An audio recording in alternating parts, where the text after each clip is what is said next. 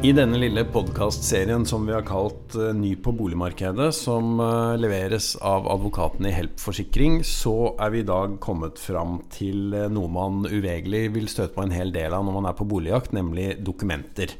I dag er det Silje Andresen og Dag Are Børresen som sitter her. Og nå må du hjelpe meg, Silje. Vi har en salgsoppgave, vi har et egenerklæringsskjema, vi har en boligsalgsrapport, gjerne, eller en verditakst. Hvilke andre dokumenter er det vi kan komme på?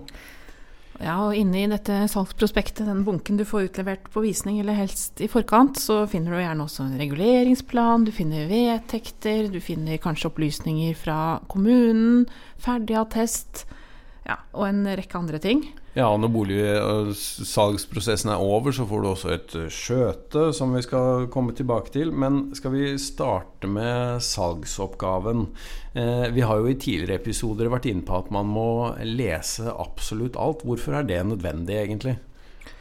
Fordi eh, salgsprospektet, eller salgsoppgaven, det er jo eh, en viktig del av avtalen. Det er faktisk hoveddelen av den avtalen som du er i ferd med å inngå med selger når du begynner å, når du gir bud på en eiendom. Er det ikke noen deler av denne salgsoppgaven som er viktigere enn andre? Må jeg virkelig lese absolutt alt som står der?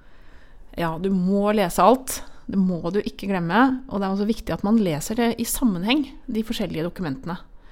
Eh, men man skal altså huske på å ha i bakhodet hvem det er som er forfatteren av de forskjellige dokumentene. Fordi selve prospektet, det er det jo megleren som har ført i pennen. Megleren han er profesjonell, og hans eh, viktige jobb er jo å samle inn informasjon om eiendommen og sammenfatte det på en forståelig måte, eh, altså på bearbeidet vis, i prospektet. Ja, Men du sa det der sammenfattet. Skal ikke han lage et konsentrat for stakkars eh, kjøper et eller annet sted, hvor han får vite det han trenger å vite, da? Jo, han skal gjøre det. Men det kan også være noen eh, detaljer. Eh, og, og, du må lese det i sammenheng med de andre dokumentene. Og de to andre viktige dokumentene som jeg har lyst til å trekke frem, er for det første boligsalgsrapporten, som er skrevet av en takstmann. Og at det er egenerklæringsskjema som er skrevet av selgeren. Og egenerklæringsskjema, eh, det har du sikkert sett mange ganger. Det er gjerne på to sider. Og så er det et sånt eh, krysseskjema med ja eller nei eller vet ikke, som selgeren da skal fylle ut etter sitt eh, beste skjønn, eller etter beste evne. Dette skjemaet det er en forutsetning for at selgeren skal få tegne såkalt selgeransvarsforsikring, eller eierskifteforsikring, som det også heter. Og der kan det være at det fremgår interessante opplysninger og viktige opplysninger som du bør sette deg inn i hvis du skal gi bud på denne eiendommen. Mm, eh, og Hvis det er noen selgere som skulle høre på dette, så kan vi vel skyte inn at det er om å gjøre å være helt sannferdig når man fyller ut dette egenerklæringsskjemaet også. For vi ser noen eksempler på at man kanskje tar seg noen friheter i forhold til å opplyse om at det er fagfolk som har gjort ting som eh, det kanskje viser seg at det ikke er fagfolk som har gjort, når det kommer til stykket? Ja, det er dessverre ganske mange av mangelsakene er forårsaket av uh, at opplysninger i selgers egenerklæringsskjema er feil eller ufullstendig eller unøyaktig, og som da har ledet til misforståelser og skuffelse, og et eh, krav og kanskje en tvist i etterkant. Eh, og det er jo sånn at eh, hvis man som selger fyller ut egenerklæringsskjema uriktig, mot bedre vitende, så har eierskifteselskapet anledning til å gå på regress på den selgeren i etterkant, hvis selskapet har måttet betalt ut prisavslag til kjøperen. Så det er jo absolutt viktig også for selger å være sannferdig, for ikke å få trøbbel i etterkant, enten med kjøper eller med sitt eget et eh, eierskifteforsikringsselskap. Mm. Men la oss vende tilbake til eh, boligsalgsrapporten, eh, som har en lillebror i verdi- og lånetakst. Er det sånn at hvis du kommer på en visning hvor det viser seg at her er det bare verdi- og lånetakst å få, snur du i døra da, eller hvordan forholder du deg til det? Ja, Det er jo helt riktig at verditaksten de er lillebroren til boligsaksrapporten, Og det er ganske stor forskjell på de dokumentene. Eh, mandatet til takstmannen når han er ute på et oppdrag for å lage en boligsaksrapport, det er mye videre. Det er flere sjekkpunkter, og han skal gjøre grundigere undersøkelser. Han skal måle, han skal i noen tilfeller gjøre hulltakninger. Det er veldig liten grad takstmannen skal gjøre destruktive inngrep, også på boligsalgsrapport, men det er helt klart en bedre og en større undersøkelsesprosess der enn ved, at han er på en verditakst, for da er det bare en overfladisk besiktigelse som ligger til grunn. Mm -hmm. Så hva er da boligsalgsrapporten til forskjell fra verditaksten? Boligsalgsrapporten er en mer systematisk gjennomgang av bygget. Eh, Riktignok basert på overflater, eh, men det er ganske mange sjekkpunkter. Og det skal munne ut i en beskrivelse og helst eh, en angivelse av hvilken konsekvens de forskjellige funnene har. Og så pleier man å konkludere med en tilstandsgradsangivelse, mm. som ofte blir kalt for TG.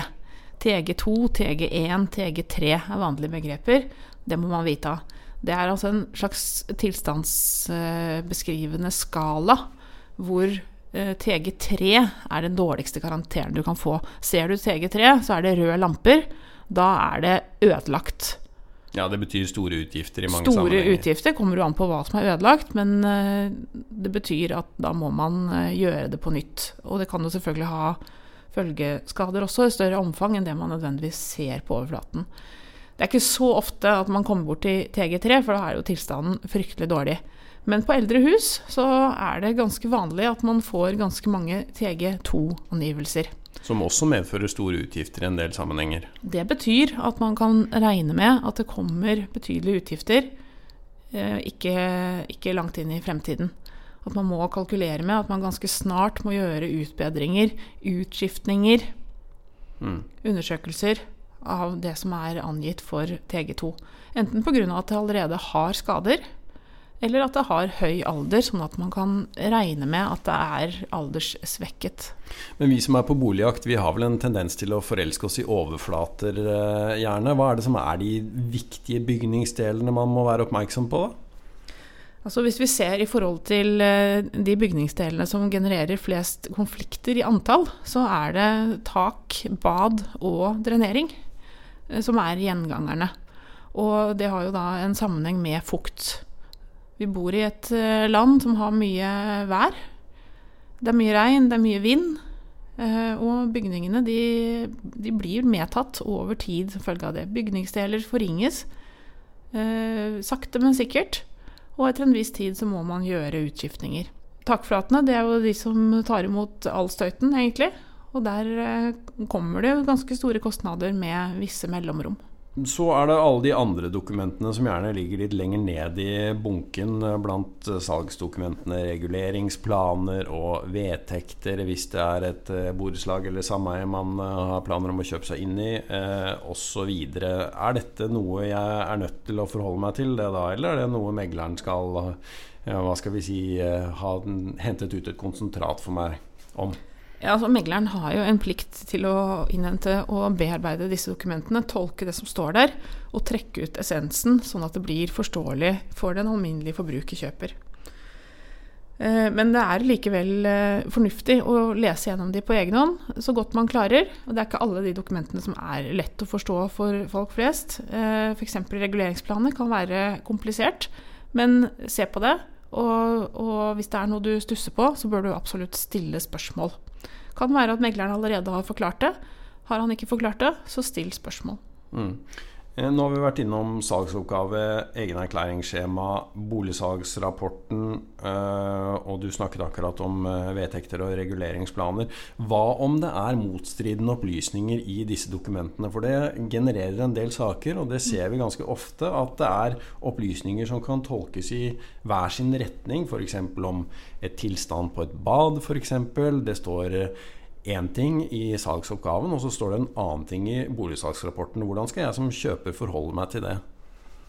Ja, Hvis du føler at de opplysningene du får ikke stemmer overens, at det ikke henger på greip, så still spørsmål for å få avklart det du lurer på, og gjør det før du begynner å gi bud.